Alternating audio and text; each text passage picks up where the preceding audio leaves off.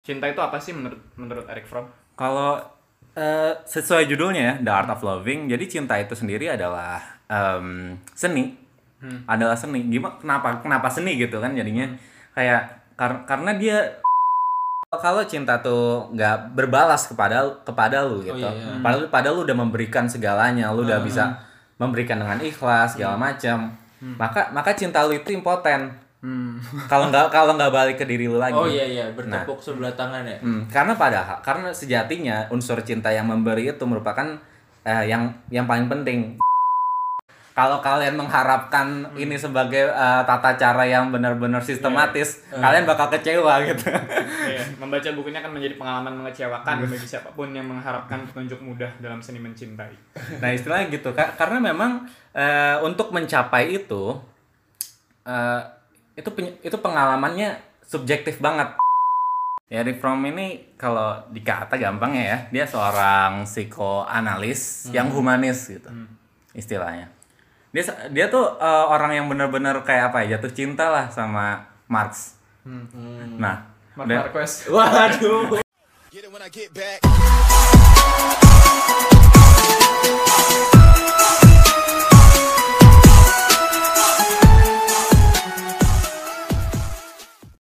Selamat datang di Mapaba, mari pada baca. Wih. Ini adalah episode kita yang terbaru. Wih. Anjir. belum belum udah aja. Gimana gimana gimana? Ada hal terbaru apa nih selain babi ngepet? Oh iya di Depok lagi. Iya. Waduh. di- di- Depok tuh terkenal banget ya soal-soal hal-hal yang di luar ini ya. Iya. Lo- di luar logika ya. Covid pertama di Depok. Gon, lu nggak lahir di Depok kan? Gua nggak lahir di Depok. Kalau lahir makin jelas itu soalnya. Tapi kayaknya nggak cuma babi ngepet doang. Ada bebek ngepet nih. Eh, ya. Oke, makasih guys. Oke, makasih guys. Ulang nggak nih? Kita Bisa. podcast anti ngulang ya.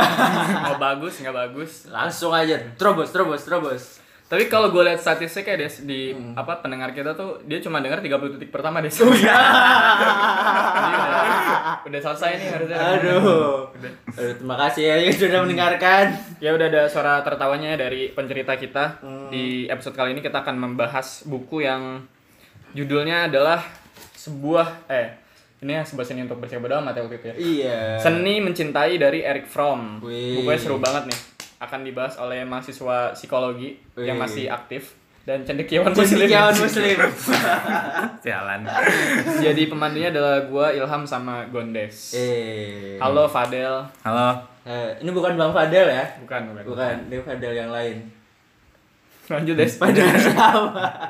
Oh, di kalau gua tuh sempat buk, eh, punya bukunya Del. Mhm. Tapi beda terbitan sama lu ya. Kalau gua terbitan bahasa basi, kalau lu terbitan Gra- GM. gram GM ya. Game, game. Kalau yang di terbitan gua nih di bawahnya tuh ada ini taj- ada tajuk buku psikologi spektakuler sepanjang masa. Asik spektakuler. Panjang banget masa. sih bukunya. Lebay banget. Gua Tapi gua belum selesai baca ya, jadi Fadel doang yang bahas. Najis. Jadi nanti gua nanya-nanya doang dan Lu cupu. Cupu lu, lu kan nih satu, Bres. belum kelar, belum kelar. Jadi kurang inilah legitimate. Kita mulai dari ini dulu Del, dari Eric Fromm. Hmm. Siapa nih Eric Fromm? Ya Eric Fromm ini kalau dikata gampang ya, dia seorang psikoanalis yang humanis gitu. Istilahnya. Dia dia tuh eh, orang yang benar-benar kayak apa ya, jatuh cinta lah sama Marx. Nah, Mark dan- Marquez. Waduh, perasaan tadi udah deh, pas briefing deh. Disebut lagi. Lanjut lanjut ya. istilah ya, jadi jadi gampangnya benar-benar secara eh, dia karena di Eric Fromm ini antropolog, sosiolog, psikolog ya eh, sampai banyak banget cabang-cabangnya dia dia belajar dia dapat banget tuh sama pandangan Marx sampai dia terapin juga pada psikol pada aspek psikologisnya banyak banget yang ter, eh, banget banyak banget yang sampai sampai masuk kepada eh, pemahaman-pemahaman dia dan teori-teori dia mengenai ya manusia itu sendiri. Kepribadian bahkan ya pola asuh tuh walau walaupun pola asuh ya kalau pola asuh tapi dia lebih ke Freud walaupun lebih berbeda jauh lebih berbeda daripada Erikson dan lain-lain. Ini cukup dekat kayaknya Eric Fromm sama si Freud. Iya, dekat, dekat. Surat-suratan sering. Teh musuhan gak sama Freud? Kalau dibilang musuhan, dia eh, Eric Fromm-nya aja kayaknya nggak suka sama Freud sih. Kayaknya Kalau- banyak deh nggak suka sih banyak sih. Iya. Banyak sih nggak suka. Adler aja gak suka sama Freud. Sama buktinya kebesaran Freud soalnya. Semua kan berdiri di atas pundaknya Freud. Asik. Orang yang gendongin ya. Adalah S1 gua lah ya. Oke Del, kita masuk ke ini nih. Boleh, boleh. Eh, bagian yang paling penting dulu lah, yang fondasinya. Hmm. Ini kan bahas soal cinta. Nah, cinta itu apa sih menurut menurut Eric Fromm?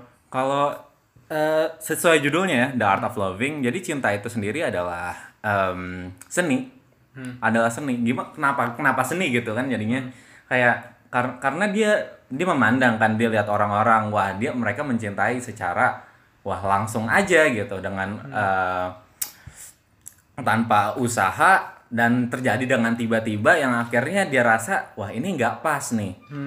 Jadi dia rasa bahwa sen- eh, apa namanya cinta itu adalah yang ya dengan seni, dengan berseni gitu. Jadi maksudnya seni itu ya gimana? Jadi kita kita untuk menguasainya, kita untuk mengendalikannya, untuk melakukannya sendiri itu perlu em, latihan, Hmm.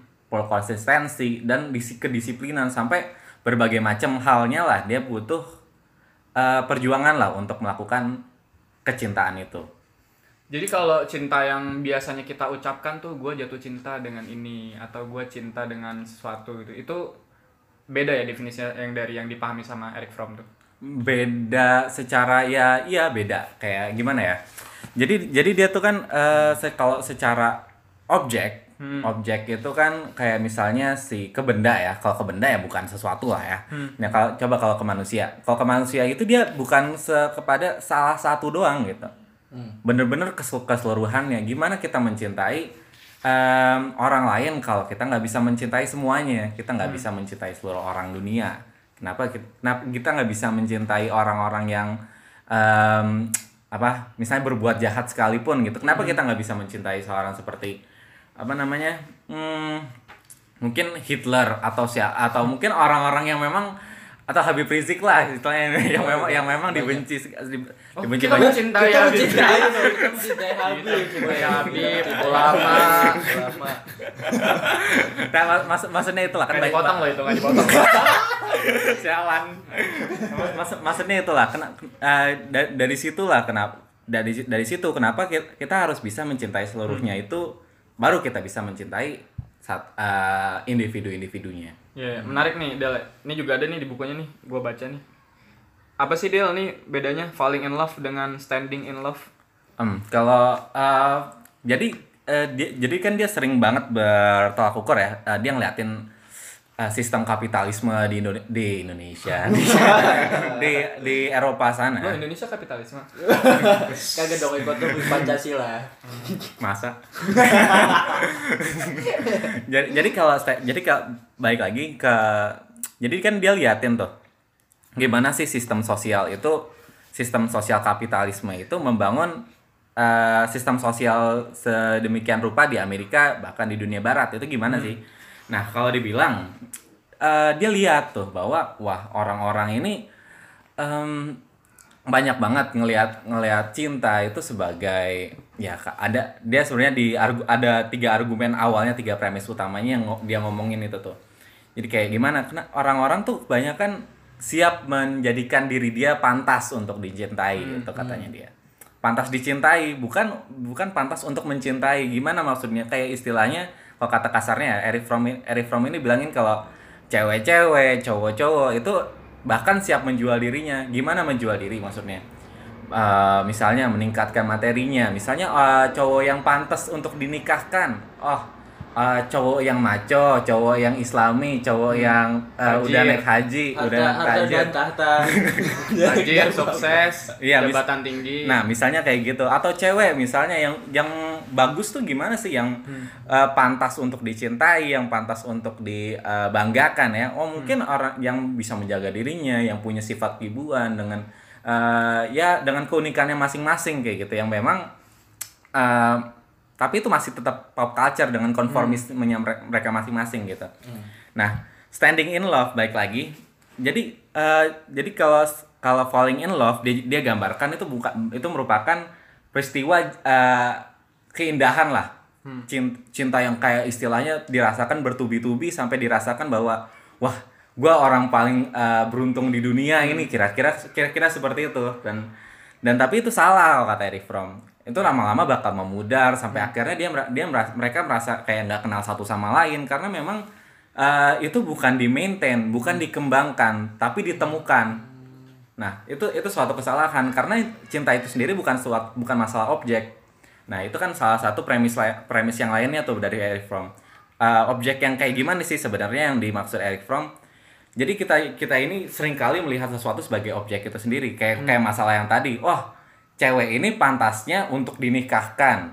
Oh cowok ini pantasnya untuk di ini di ini di ini. Kita nggak ngelihat itu sebagai manusia itu sebagai subjek. Dia nggak kita nggak ngelihat mereka sebagai manusia. Bahkan kalau eh, ngomongin sosiologi sebentar itu kan ada ada eh, judulnya buku lain dari Martin Buber judulnya I and Thou. Jadi eh, eh, jadi kita melihat manusia eh, manusia itu manusia lain sebagai bukan sebagai relations, bukan sebagai hubungan antar kemanusiaan, tapi transactions. Nah, nah itulah eh, maksud dari objek cinta. Kita ngelihat lihat lihat berdasarkan materi-materi yang dibawanya, sifat-sifatnya dan lain sebagainya. Itu maksudnya standing in love tuh berarti un- sebenarnya harusnya itu dikembangkan, maintain dengan semu- dengan semua orang dan bahkan dan tapi em, dengan punya keunikan masing-masing lah kalau secara individual. Berarti kalau ada orang bilang aku jatuh cinta padamu tuh jangan percaya dulu ya. Nah, jangan dulu.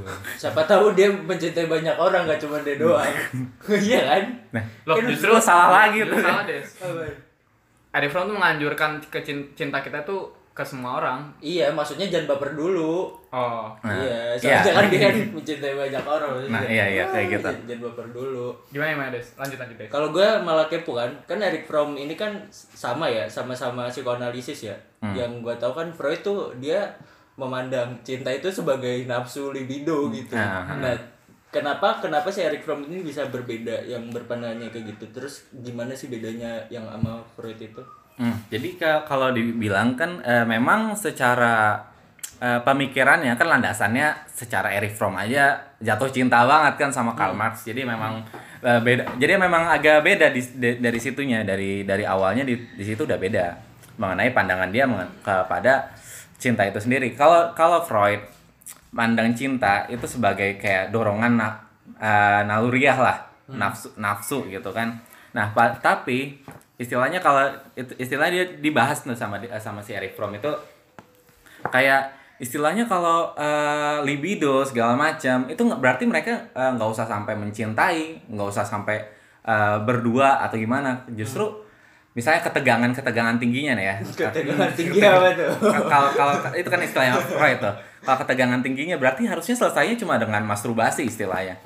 Itu nggak perlu sampai kayak gimana nggak perlu sampai uh, seks atau sampai mencintai seseorang gitu sampai meng- mengabdikan hidupnya dengan ya istilahnya tekanan super ego ya nah ka- kalau kata uh, kalau kata Eric Fromm justru seks atau um, yang lain uh, apa yang kotor-kotor lah Iya, iya, iya. yang kotor-kotor itu uh, meru- merupakan Lagi uh, bulan puasa nih. Nggak apa-apa, nggak apa-apa. merupakan cap doang. merupakan cakupan dari cinta itu sendiri. Jadi cinta, jadi cinta itu ada include something like uh, uh, sex and uh, something other than kayak gitu. Ini Del, Del. Di halaman 68, Del. Tentang objek-objek cinta.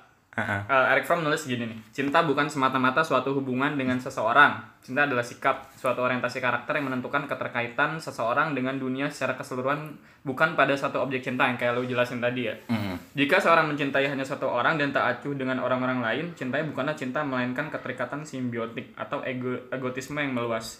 Jadi maksudnya mencintai yang tadi lu sering sebut itu mencintai tidak cuma satu orang, kan Fromm di sini bilang kalau lu cuma mencintai satu orang itu justru lu dianggap egois ya. Itu maksudnya gimana sih?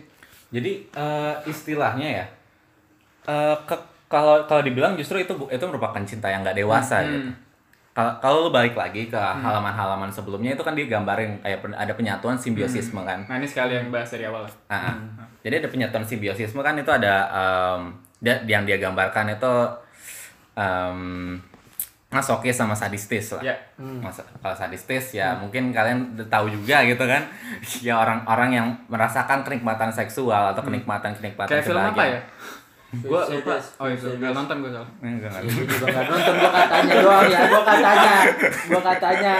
Eh, Terus dia. eh gua katanya. Nah, kenikmatan deng- misalnya kalau sadistis, kenikmatan dengan eh, menyiksa eh, terus apa memaki atau dengan orang memukul orang-orang yang dicintainya itu. Hmm. Istilahnya kayak gitu. Kalau masokis gimana? Mereka menikmati dengan misalnya ditonjok, di disakiti dan lain sebagainya lah. Istilahnya kayak Dicambuk. Nah, nah, nah iya ist- istilahnya istilahnya kayak gitu istilahnya kayak gitulah masokistis itu. Hmm. Nah, ob- objektif objektivitas eh, objektif eh, objektivitas dari cinta itu ya, dari eh, pandangan itu baik la- baik lagi bahwa em, kita kita itu harus kita kita itu harus kepada cinta sesama itu baik itu harus itu itu perlu ditekankan bahwa kita memang harusnya kita mencintai seseorang karena kita mencintai seluruhnya Hmm. Gimana tuh maksudnya? Nah, gini, jadi dalam cinta itu ada paradigma, eh bukan, Ya. ada bukan paradigma, paradoks. Ah. Ada paradoks. Yang satu, eh, kita yakin, kita tahu bahwa manusia itu sama. Hmm. Nah, manusia itu semua lahir dari Adam segala macam. Itu Kyrie From ba- Oh, dari dibahas ya, ada Ya, Ya. beberapa. ah, sampai cinta Allah tuh dia bahas di sini. Hmm. Nah, em, tadi sampai mana gue tadi ya? Adam? Nabi Adam. Bukan, bukan. sih. Eh, paradoks. Oh, iya, paradoks. Yang- oh, yang mencintai seluruhnya. Ah, ah, yang pertama kita kita tahu kita mesti mencintai seluruhnya seluruh manusia yang ada gitu karena mereka semua itu manusia karena kita itu sama Hmm. nah gak usah dibeda-bedakan karena kita kita itu merupakan sama Ya. nah yang kedua paradoks yang kedua di di tengah-tengah kesamaan eh, kesamaan sebelumnya mereka semua unik Hmm. Nah, di situlah karena di situlah yang di- yang bisa di, bisa diangkat bahwa eh, cinta antar individu itu bisa bisanya eh, memanfaatkan dua dari paradoks itu juga. Hmm. Nah, jadi jadi gimana penyatu penyatuan cinta antara individu? Antara individu itu sebenarnya kalau Eric Fromm bilang cinta erotis. Hmm. Cinta erotis itu merupakan penyatuan total yang berintegritas Hmm. antara dua individu.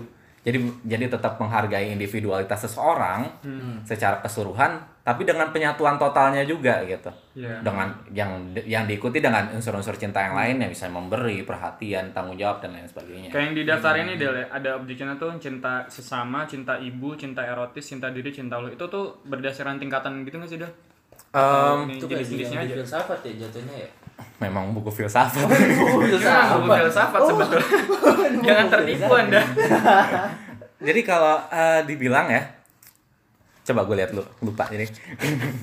jadi kalau kalau masalah objek cinta kan ada cinta sesama, cinta ibu, cinta erotis gitu ya. Hmm. Sebenarnya kalau dibilang tingkatan, nggak ada tingkatan juga, tapi cinta sesama itu merupakan eh, landasan seluruh cinta yang lainnya. Hmm. Untuk bisa mencintai Allah, cinta untuk mencintai diri, untuk mencintai orang lain secara individual, cinta ibu dan lain sebagainya itu kita harus eh, bisa mencintai sesama itu sendiri. Termasuk fakir miskin ya. Ya, jelas lah. Eh, gue pengen tahu dong yang cinta yang vertikal dong yang kepada Allah itu kayak gimana deh si Eric Fromm ini. Hmm. Apa dia ngebahas pakai apa dalil-dalil agama gitu apa hadis apa? Wah, apa? jelas. iya sih. Dia, Fromm dia, beragama nggak sih? nggak tahu ya kalau dia kalau punya agama atau enggak, tapi dia ba- dia bahas cinta eh, eh bahas art of loving ini memang benar-benar eh, sering banget pakai kitab Injil ya, memang. Jadi jadi gua gua aja hampir konversi. Bahasanya konversi loh. Musyrik kan. Ikutin gua, ikutin gua. Asyhadu alla Jadi, jadi kalau uh, kalau mau bahas cinta Allah, eh, kita harus bahas pada cinta orang tua dulu. Hmm. Ya, jadi kalau bahas cinta orang tua, kita bahas pada cinta ibu pertamanya. Hmm. Nah, eh, cinta ibu gimana sih sebenarnya? Mereka itu sebenarnya sama pertamanya. Hmm. Mereka mereka mereka itu merupakan eh, individu yang satu gitu istilahnya. badan. Satu bad, satu dua ba- dua jiwa di satu badan lah istilahnya. Hmm.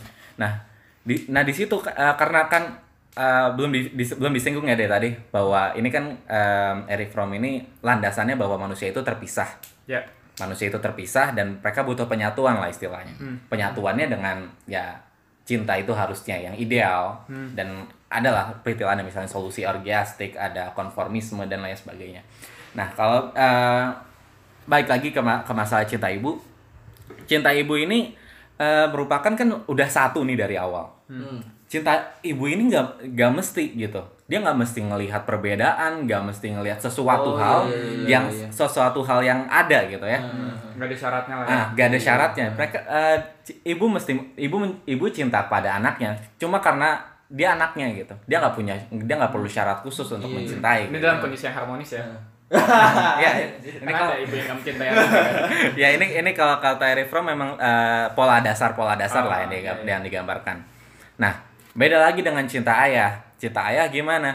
Eh, istilahnya em, cinta ayah itu eh, aku mencintaimu karena kamu bisa melakukan ini. hmm. Cinta ayah itu bersyarat dia butuh ya ibaratnya kalau di, yang digambarkan secara sosiologis ya itu kayak misalnya raja lah punya punya anak banyak laki. Dia pasti ngelihat lihat anaknya yang paling sesuai sama dia dong. Nah itu itu yang dia, yang dia gambarkan ber- berdasarkan cinta bersyarat itu. Nah eh, baik lagi ke cinta ibu misalnya. Cinta ibu itu pun eh, ada yang nggak dewasa dan dewasa gitu. Yang dewasa gimana? Yang dia di mana ibu kalau dari ada dari kitab Injilnya? Gue udah jadi lebih hafal kitab Injilnya. Lagi lagi lagi. Shadow. Asyhadu. Jadi kalau dari cinta ibunya itu eh, ada ibu ibu harus memberi madu dan juga susu kalau dari eh, dari kitabnya dari bilangnya. Hmm. Tahu sih? Eh, Astagfirullah, astagfirullah. nggak apa-apa Nggak apa-apa. Nah, jadi jadi Iya. jadi jadi kayak jadi maksudnya gimana? Susu itu ya diibaratkan sebagai kema- kemanjaan, maksudnya ke afeksi yang benar-benar rentan lah, istilah- eh, benar-benar ter terinternalisasi kepada anaknya lah. Oh, anaknya jadi lebih tahu empati, simpati segala macam, lah pun merasakan cinta sebagaimananya, sebagaimana adanya. Nah, kalau eh, madu melambangkan eh, kemandirian. Nah, ibu ibu-ibu itu kebanyakan katanya kalau di- dari pola dasarnya kebanyakan ngasih susu daripada madu. Hmm. Pada harusnya padahal ibu itu harus bisa merelakan juga anaknya untuk berkembang. Nah, itu kan iya, itu iya, sering kali ke kesalahan-kesalahan di mana mungkin orang tua orang tua misalnya ibu itu terlalu memanjakan anaknya, permisif. itu guys. ya? Iya, pola asuh pola pola asuh pola asuh yang terlalu memanjakan itu merupakan ketakutan dari ibu untuk menjadi terpisah dengan anaknya itu sendiri. Nah, itu salah satunya. Nah, kita balik lagi ke cinta Allah. Gimana maksudnya?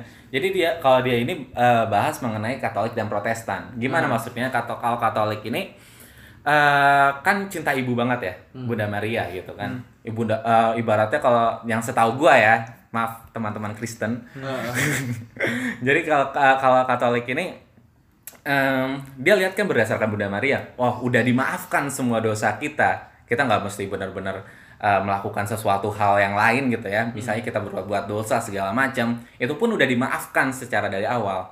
Karena itu oh karena itu- boleh ya berarti kata ya setahu setahu gua ya setahu gua. Nah itu itu yang Katolik itu gue nanya doang nanya doang coba Katolik itu melambangkan cinta dari ibu. Mau kayak gimana pun anaknya, dia tetap anaknya. Mau Iya, kayak gimana pun. Nah, makanya kan kayak yang setahu gua ya, semuanya tetap masuk surga gitu. Hmm. Nah, baik lagi ke Protestan misalnya. Itu cinta melambangkan cinta Bapak. Gimana maksudnya? Ibaratnya kalau kalau lu uh, benar-benar apa ya gimana, gimana ya? Kalau lu melawan lah hmm. misalnya lu uh, teriakin bokap lu, nonjok bokap lu segala macam, Ah. auto neraka istilahnya kayak gitu. Ah. Lu lu melakukan sesuatu yang di, nggak dia perbolehkan, Hmm. itu dulu dihukum berdasarkan hal, hal itu. Nah, itulah cinta Allah yang digambarkan di situ. oh, jadi ada hubungannya dia lah Ah. jadi awalnya dari dasar cinta orang tua ke cinta Tuhan nih Nah, Nah, itu kan makanya dia kan dia bilang itu secara yang gua tafsirkan itu secara sosiologi dia dia lihat kayak gitu. Tapi di cinta Allah pun dia banyak ngomong mengenai logika logika Aristoteles pun dia banyak dia bahas juga. Tapi itu bukannya kultural ya? Hmm? Bukannya kultural ya? Yang Apa kayak ya? budaya patriarki kayak gitu. Nah, itu kan itu pun bisa dilihat kan berdasarkan agamanya jadinya. Hmm. Apakah itu uh, apakah patriarkisme itu lahir dari agama agama uh, Kristen, Katolik atau Protestan itu sendiri apa dari mana? Nah, itu kan itu kan bisa dilihat lagi jadinya. tadi penting tuh Del Eh, lupa nanya kita di awal yang tadi lu bahas soal keterpisahan kan. Jadi Hmm. dasar dan fondasinya itu adalah soal persoalan eksistensial manusia kan. Bahwa Hmm. manusia tuh uh, Oh, nggak iya. nggak pengen sendiri lah, Iya. nggak pengen kesepian Hmm. ya kan. Itu kan yang yang yang jadi ini nih. Coba dielaborasi sedikit Del tentang itu Del. sedikit Ya. Dikit aja kalau banyak orang pada nggak mau beli lagi. Jadi kalau eh, gimana ya? Kalau dibilang, jadi kan eh, manusia itu punya rasio awalnya itu. Hmm. Dia tahu kapan dia mat, dia bisa bakal mati gitu ya. Hmm. Dia tahu secara eh, pasti bahwa dia lagi hidup. Dia tahu kita lagi, eh, gua tahu nih, gua lagi ngomong, gua lagi, gua, gua tahu gua lagi berpikir dan lain sebagainya. Nah, eh, tapi dia juga tahu bahwa dia dia itu individu yang terpisah. In- Terpisah gimana? Maksudnya dia punya tanggung jawab terhadap dirinya sendiri Hmm.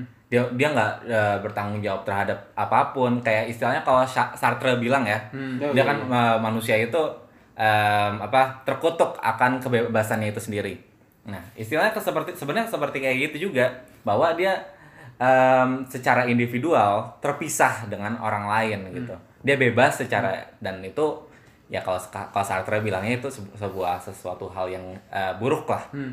Nah, itu landasan utamanya. Hmm. Nah, orang nah orang-orang butuh untuk mencapai penyatuan.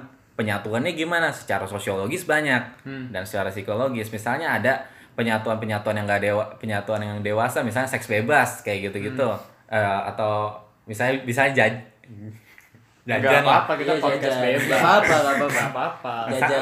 misalnya jajan Kita lonte podcast lah gitu.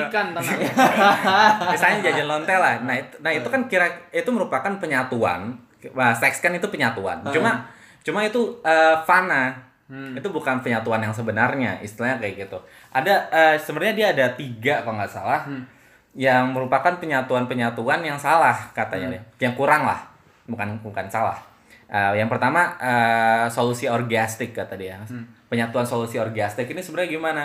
Em, ibaratnya ritual-ritual yang dilakukan pada eh, orang-orang dulu. Gimana misalnya eh, beri- beribadah secara misalnya tumbal apa dengan abis itu eh, nyanyi-nyanyi kayak sam- sambil hale-hale apa-apa gitu-gitu nah segala, segala macam itu merup- itu kan penyatuan karena Hal-hal itu budaya. Ma- maksudnya peny- eh, ini misalnya Hampir Ini kalau ada videonya mungkin tergambar lah. ya. Iya. Tangannya gini-gini. Tangannya gini. Gimana tuh tangannya? Kayak gini-gini deh. kan mereka nggak tahu kita tanya ngapain. Lanjut deh, lanjut. Nah, istilahnya mereka menyatu dengan misalnya dengan eh, dengan secara sementara, secara kuat karena berkerumunan dilakukan secara bersama-sama kan dengan culture mereka, dengan cult mereka. Nah, itu mereka menya- menyatu di kondisi itu doang tapi selepas itu ya udah hilang lagi. Atau misalnya itu uh, solusi orgiastik kata Eric Fromm juga kerap kali disamakan dengan wah, fenomena obat bius di mana kita high gitu Oh, iya, iya. dan yang merasa kayak gitulah. Nah, yang kedua ada yang dia namakan konformisme, konformitas. Ya gimana misalnya? Jadi orang orang nggak punya individualitasnya. Orang ngikut pandangan ini secara ya memang ya gue sebagai orang Indonesia misalnya, oh gue harus ikut Pancasila dong. Pancasila itu yang terbaik, yang ter, termana, yang ter ini, ter itu gitu misalnya. Nah, tapi dia nggak, tapi dia nggak sebenarnya nggak sebenarnya be- nggak benar-benar mengetahui gitu. Misalnya Pancasila itu sebenarnya apa? Nah, dia, nah dia istilahnya dia konformisme, ikutan doang. Oh, orang bilang ini, oh gue ikut. Ikut harus. ikut Misalnya harus. pop culture ngomong ini, wah gue ikut.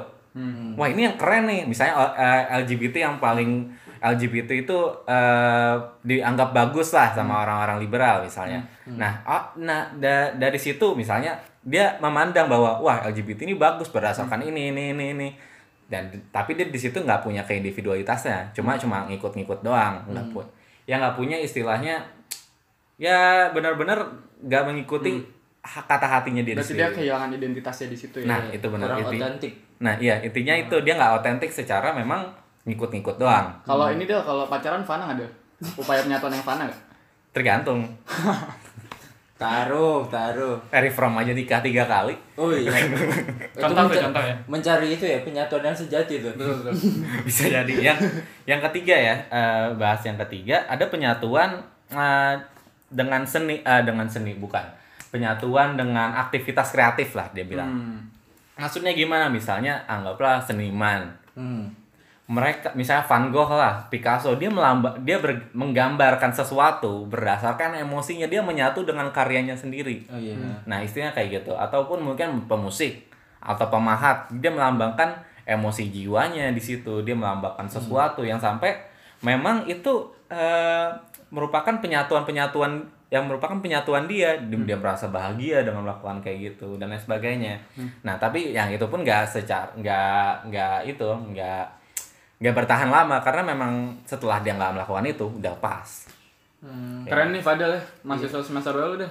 Ma- empat Oh, Wah, empat, empat. gila, gila, gila, gila, iya gila. banget. bacot. Eh kan gue kepo dah. Angkat lagi, angkat lagi. gue kepo tadi kan lu bahas kan Eric Fromm ini kan terpengaruh banget sama Marx. Terus apa hubungannya Marx dengan cintanya si Eric Fromm ini, teori cintanya Eric Fromm ini? Nah, kalau di secara kayak gitu memang dari awal kelihatan juga nih. Ya kan dari misalnya dari pandangan sosiologi dia kan, kapitalisme yang dia dia, dia kerap kali kan mema- memajukan uni- union, uh, uni- unity gitu, segala macam. Memang kalau kalau dibi- kalau dibilang eh Marx Marx eh, da- dari cinta itu ada ada ada kata-katanya ada kata-katanya tuh yang dimuat di bukunya juga bahwa kalau kalau kalau cinta tuh nggak berbalas kepada kepada lu gitu. Iya, iya. padahal padahal lu udah memberikan segalanya lu udah bisa memberikan dengan ikhlas segala macam. Maka maka cinta lu itu impoten. Hmm. kalau nggak kalau nggak balik ke diri lu lagi. Oh iya iya, bertepuk sebelah tangan ya. Hmm, karena padahal karena sejatinya unsur cinta yang memberi itu merupakan eh, yang yang paling penting. Di mana lu mem- lu nggak perlu mengharapkan sesuatu. Lu memberikan sesuatu dan memberi itu yang lu harapkan. Hmm. Istilahnya lu memberikan sesuatu tapi eh, istilahnya itu kayak self aktualisasi atau self transendensi lah istilahnya. Lu menolong orang misalnya lu eh, ngasih zakat fakir miskin segala Ikhlas macam. ya bahasa Nah, bahasa iya gampangnya ikhlas gitu istilahnya. Dan itu rasa bahwa itu wah ini kebahagiaan yang sebenarnya ternyata. Kebahagiaan tertinggi gua ini sebenarnya nah itulah memberi From sampai nikah tiga kali ya buat nyari kebahagiaan itu. Contoh sih guys.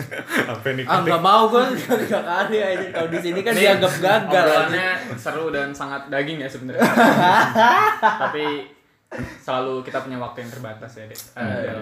Kita bakal bahas di ini bagian-bagian akhir yang seru nih. Kan di di subbab terakhir tuh ada ini ya. Tadi kan kita udah bahas soal teorinya lah, teori tentang cinta lah. Tapi kan di sini ada yang From bilang tuh yang namanya seni ya pasti ada teori dan ada prakteknya lah. Oh iya. Nah, praktek-praktek ini nih gimana, Del? ini curang sebenarnya Prom karena karena karena sejatinya kalau ke pas dia bilang ya pas kata pembukanya aja kalau kalian mengharapkan ini sebagai eh, tata cara yang benar-benar sistematis kalian bakal kecewa gitu Iya, membaca bukunya akan menjadi pengalaman mengecewakan bagi siapa pun yang mengharapkan petunjuk mudah dalam seni mencintai.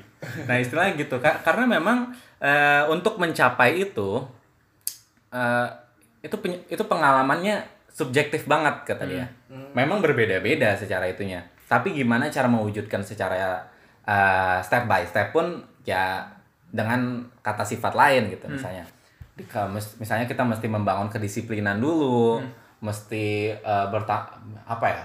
Ya, yang paling yang pertama yang, yang pertama dia sebut pokoknya kedisiplinan lah. Kita tetap mencoba untuk me- eh, untuk menerapkan teori itu berdasarkan ya pemahaman kita juga gitu. Berarti yang pertama disiplin tuh ya. Disiplin. Praktek ya. Ah. Disiplin. Terus terus. Sebenarnya gue agak lupa sih.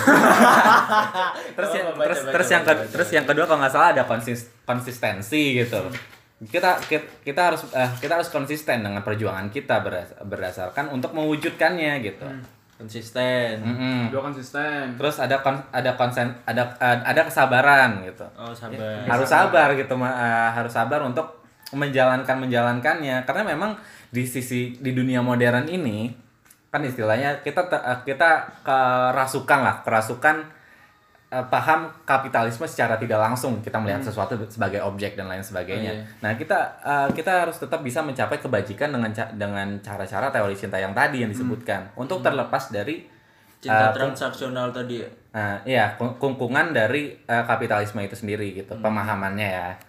Nah, yang ya, terus yang tadi yang ada konsentrasi. Ya memang Gua udah konsentrasi juga. konsentrasi terhadap mencintai aja konsentrasi kayak gitu makanya. Gila gila. Oh tadi kita lupa tuh bahas. Kita sebelumnya ngobrolin ini loh pertanyaan seru loh.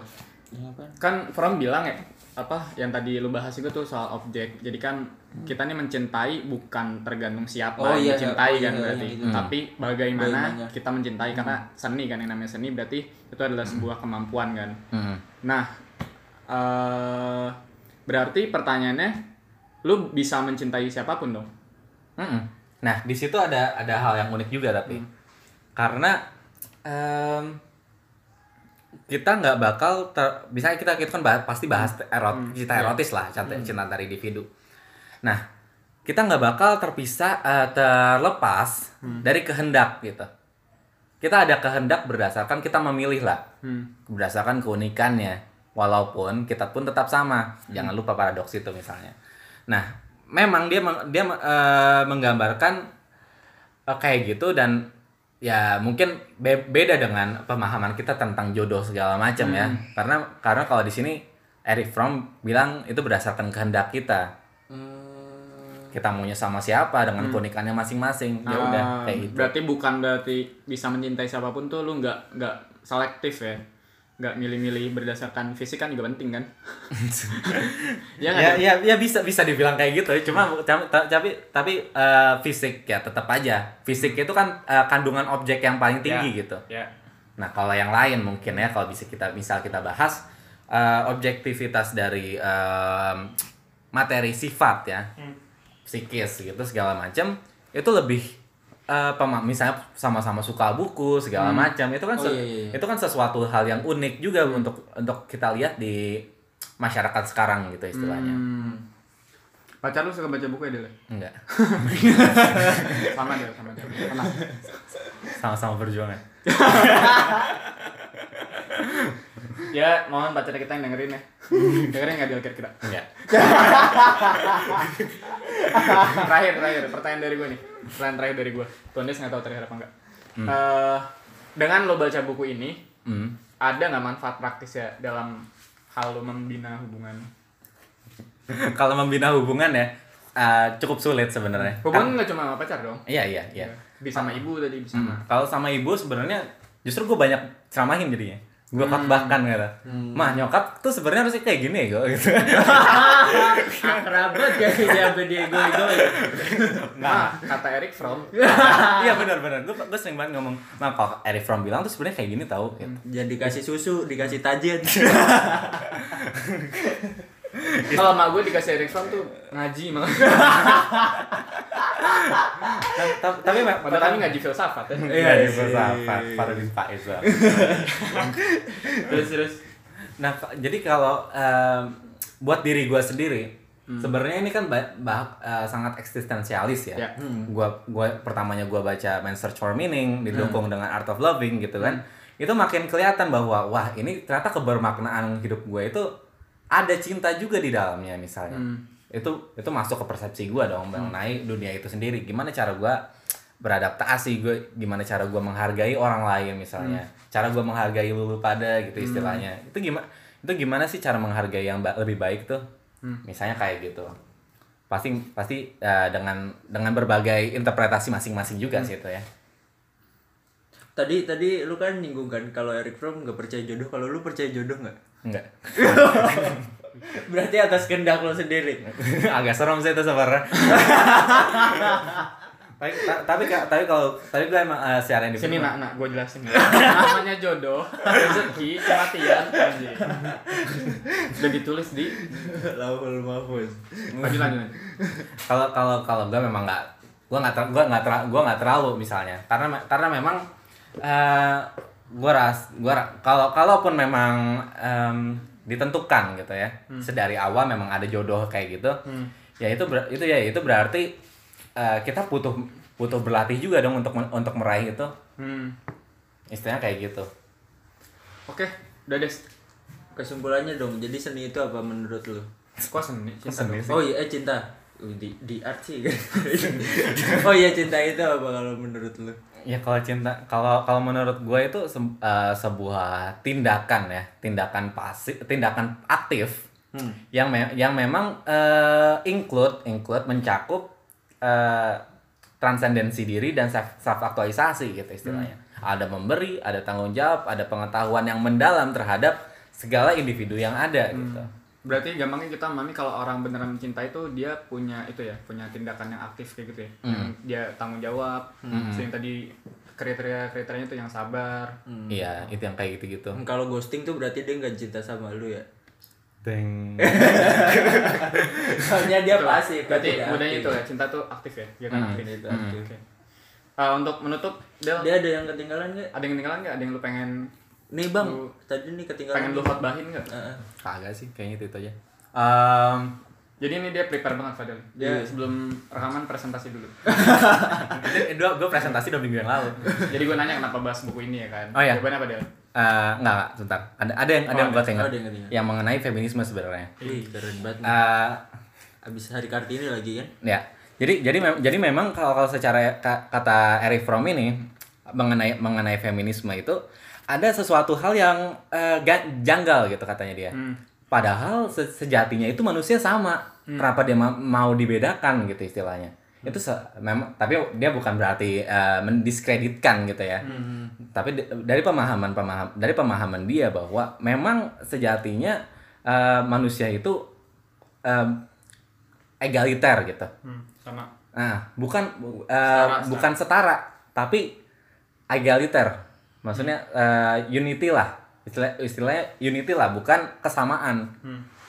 Mereka nggak nggak perlu sederajat gitu. Memang udah dari awal sederajat karena mereka sama-sama manusia. Oh iya. Nah, tapi harusnya eh, unity menyatu dengan men- penyatuan. Nah, itu salah satu yang sering di- disalahpahami karena gimana em, kesamaan itu kata Eric Fromm sering ka- eh, apa? Ya kesamaan ya, kesamaan kesamaan itu kesetaraan, kesetaraan itu sering kali bisa diartikan menjadi kesamaan. Hmm. Padahal harusnya penyatuan gitu katanya dia. Oh ini ya, halaman 25 nih ada nih. Buset. Dalam masyarakat kapitalis modern, makna kesetaraan telah mengalami perubahan. Kesetaraan dimaknai sebagai kesetaraan robotik. Itu yang tadi lu maksud ya? Mm-mm. Kesetaraan manusia yang kehilangan individualitas. Kesetaraan zaman sekarang bermakna kesamaan, bukannya kesatuan. Nah, Mantap. Banyak nih memang yang belum kita kuliknya sama kita cuplik di buku ini. Padahal bukunya tuh cuma 140 40-an ya. 40-an halaman, tapi lu nggak akan bisa nggak nyelesain buku ini dalam seminggu ya. Iya berat Dan anjir. kayaknya ya, menurut gua sih kalau bisa apa mengerti buku ini kan nggak cuma sekali baca sih ya. Iya, gua gua satu setengah kali baca sih. Oh. Satu setengah. Terus Agak sambil sulit baca sih. yang lain-lain juga kan? Enggak. Dan dan padat banget sih soalnya adalah di Ah. ininya. Dan Kayak- kayaknya harus diulang-ulang gitu loh dicermatinya apa. Iya iya, gua gua sampai ngulang Kayak satu tadi halaman orgiastik tuh apa? Ini solusi orgiastik gua baca gua baca tiga kali gitu halam- halaman satu sampai Banyak, halaman iya. orgiastik lagi. Banyak istilah-istilah yang ini apa ya logika paradoksal ya. Ya, gitulah. Keren bukunya tapi ini. Keren keren. Kita memahami Oh, keren cinta secara filosofis ya kan. Sebagai penutup, Del, seperti biasa di Mari Pada Baca tuh ada pertanyaan template lah. Kenapa kita harus baca buku ini dan kasih rating? Hmm, kalau menurut gua karena memang eh, sejatinya kita di hidup ini bener banget bener banget sama banget sama eh, argumen from yang dari awal gitu premis-premisnya bahwa kita memang lihat eh, manusia sebagai objek bla bla bla bla bla bla gitu gitu ya dan mem dan kita terjebak di dalam situ dan kita memang ngerasa mungkin ini yang terba mungkin ini yang bener gitu Hmm. pada pa- akhirnya From menyadarkan kita harusnya. Nah, itulah mungkin eh, itu alasan terbesarnya untuk membuat kita sadar mengenai cita itu sebenarnya harusnya kayak gimana, kayak gitu. Nah, kalau rating ya, rating, rating, rating lah kalau gua eh, se- ya gua nggak gua nggak jago bikin rating sih sebenarnya 8 aja lah. Dari? 8 dari 10. Oh, iya. Standar lah. Standar 8. Ya 8 setengah. Kan dia nggak jago. Sialan lu. Tapi ini termasuk buku, lo kan cukup banyak baca buku psikologi dan non fiksi lain ini. Ini termasuk buku yang lo rekomendasikan nggak? Iya. Eh, sangat yang gua kuasain dan sangat gue rekomendasikan lah buat orang. Kalau kalau kalau orang nanya, Del, buku psikologi yang bagus apa? Pasti gue jawab answer for meaning atau enggak ini. Baca berani tidak disukai. Kenapa lu yang ngasih rekomendasi? Masih nambah jadi list. Oke, nanti. Sip. Ya, thank you Fadel sudah memberikan khotbah sebagai ini ya. Iya. Cendekiawan muda. Kita telah Kita nantikan nih episode-episode berikutnya bareng Fadel dan bahas psikologi atau filsafat atau agama ya. Kebetulan juga dikit lagi orang ulang tahun Freud nih Del kalau mau bahas Freud Del. Oh iya. ya? Tanggal 6. Hmm. Nanti nanti lihat dulu gue mesti gue mesti review lagi. Ya, terima kasih sudah mendengarkan di menit 43.15 ini. terima kasih sudah apa mendengar podcast kita. Terima eh, silakan dicari bukunya, gampang banget di Gramet tuh banyak ya yang terbitan Gramedia Pustaka. Eh Gramedia apa nih? Ya Pustaka Utama. Iya ini juga murah kalau nggak salah. Iya murah juga. Berapa nih harganya? 55.000 untuk Pulau Jawa. Ya. Tutup, Des. Oke, makasih yang sudah mendengarkan dari awal sampai akhir. Dadah, selamat mendengarkan, selamat membaca. Jangan lupa follow Instagram @maripada baca. Dadah.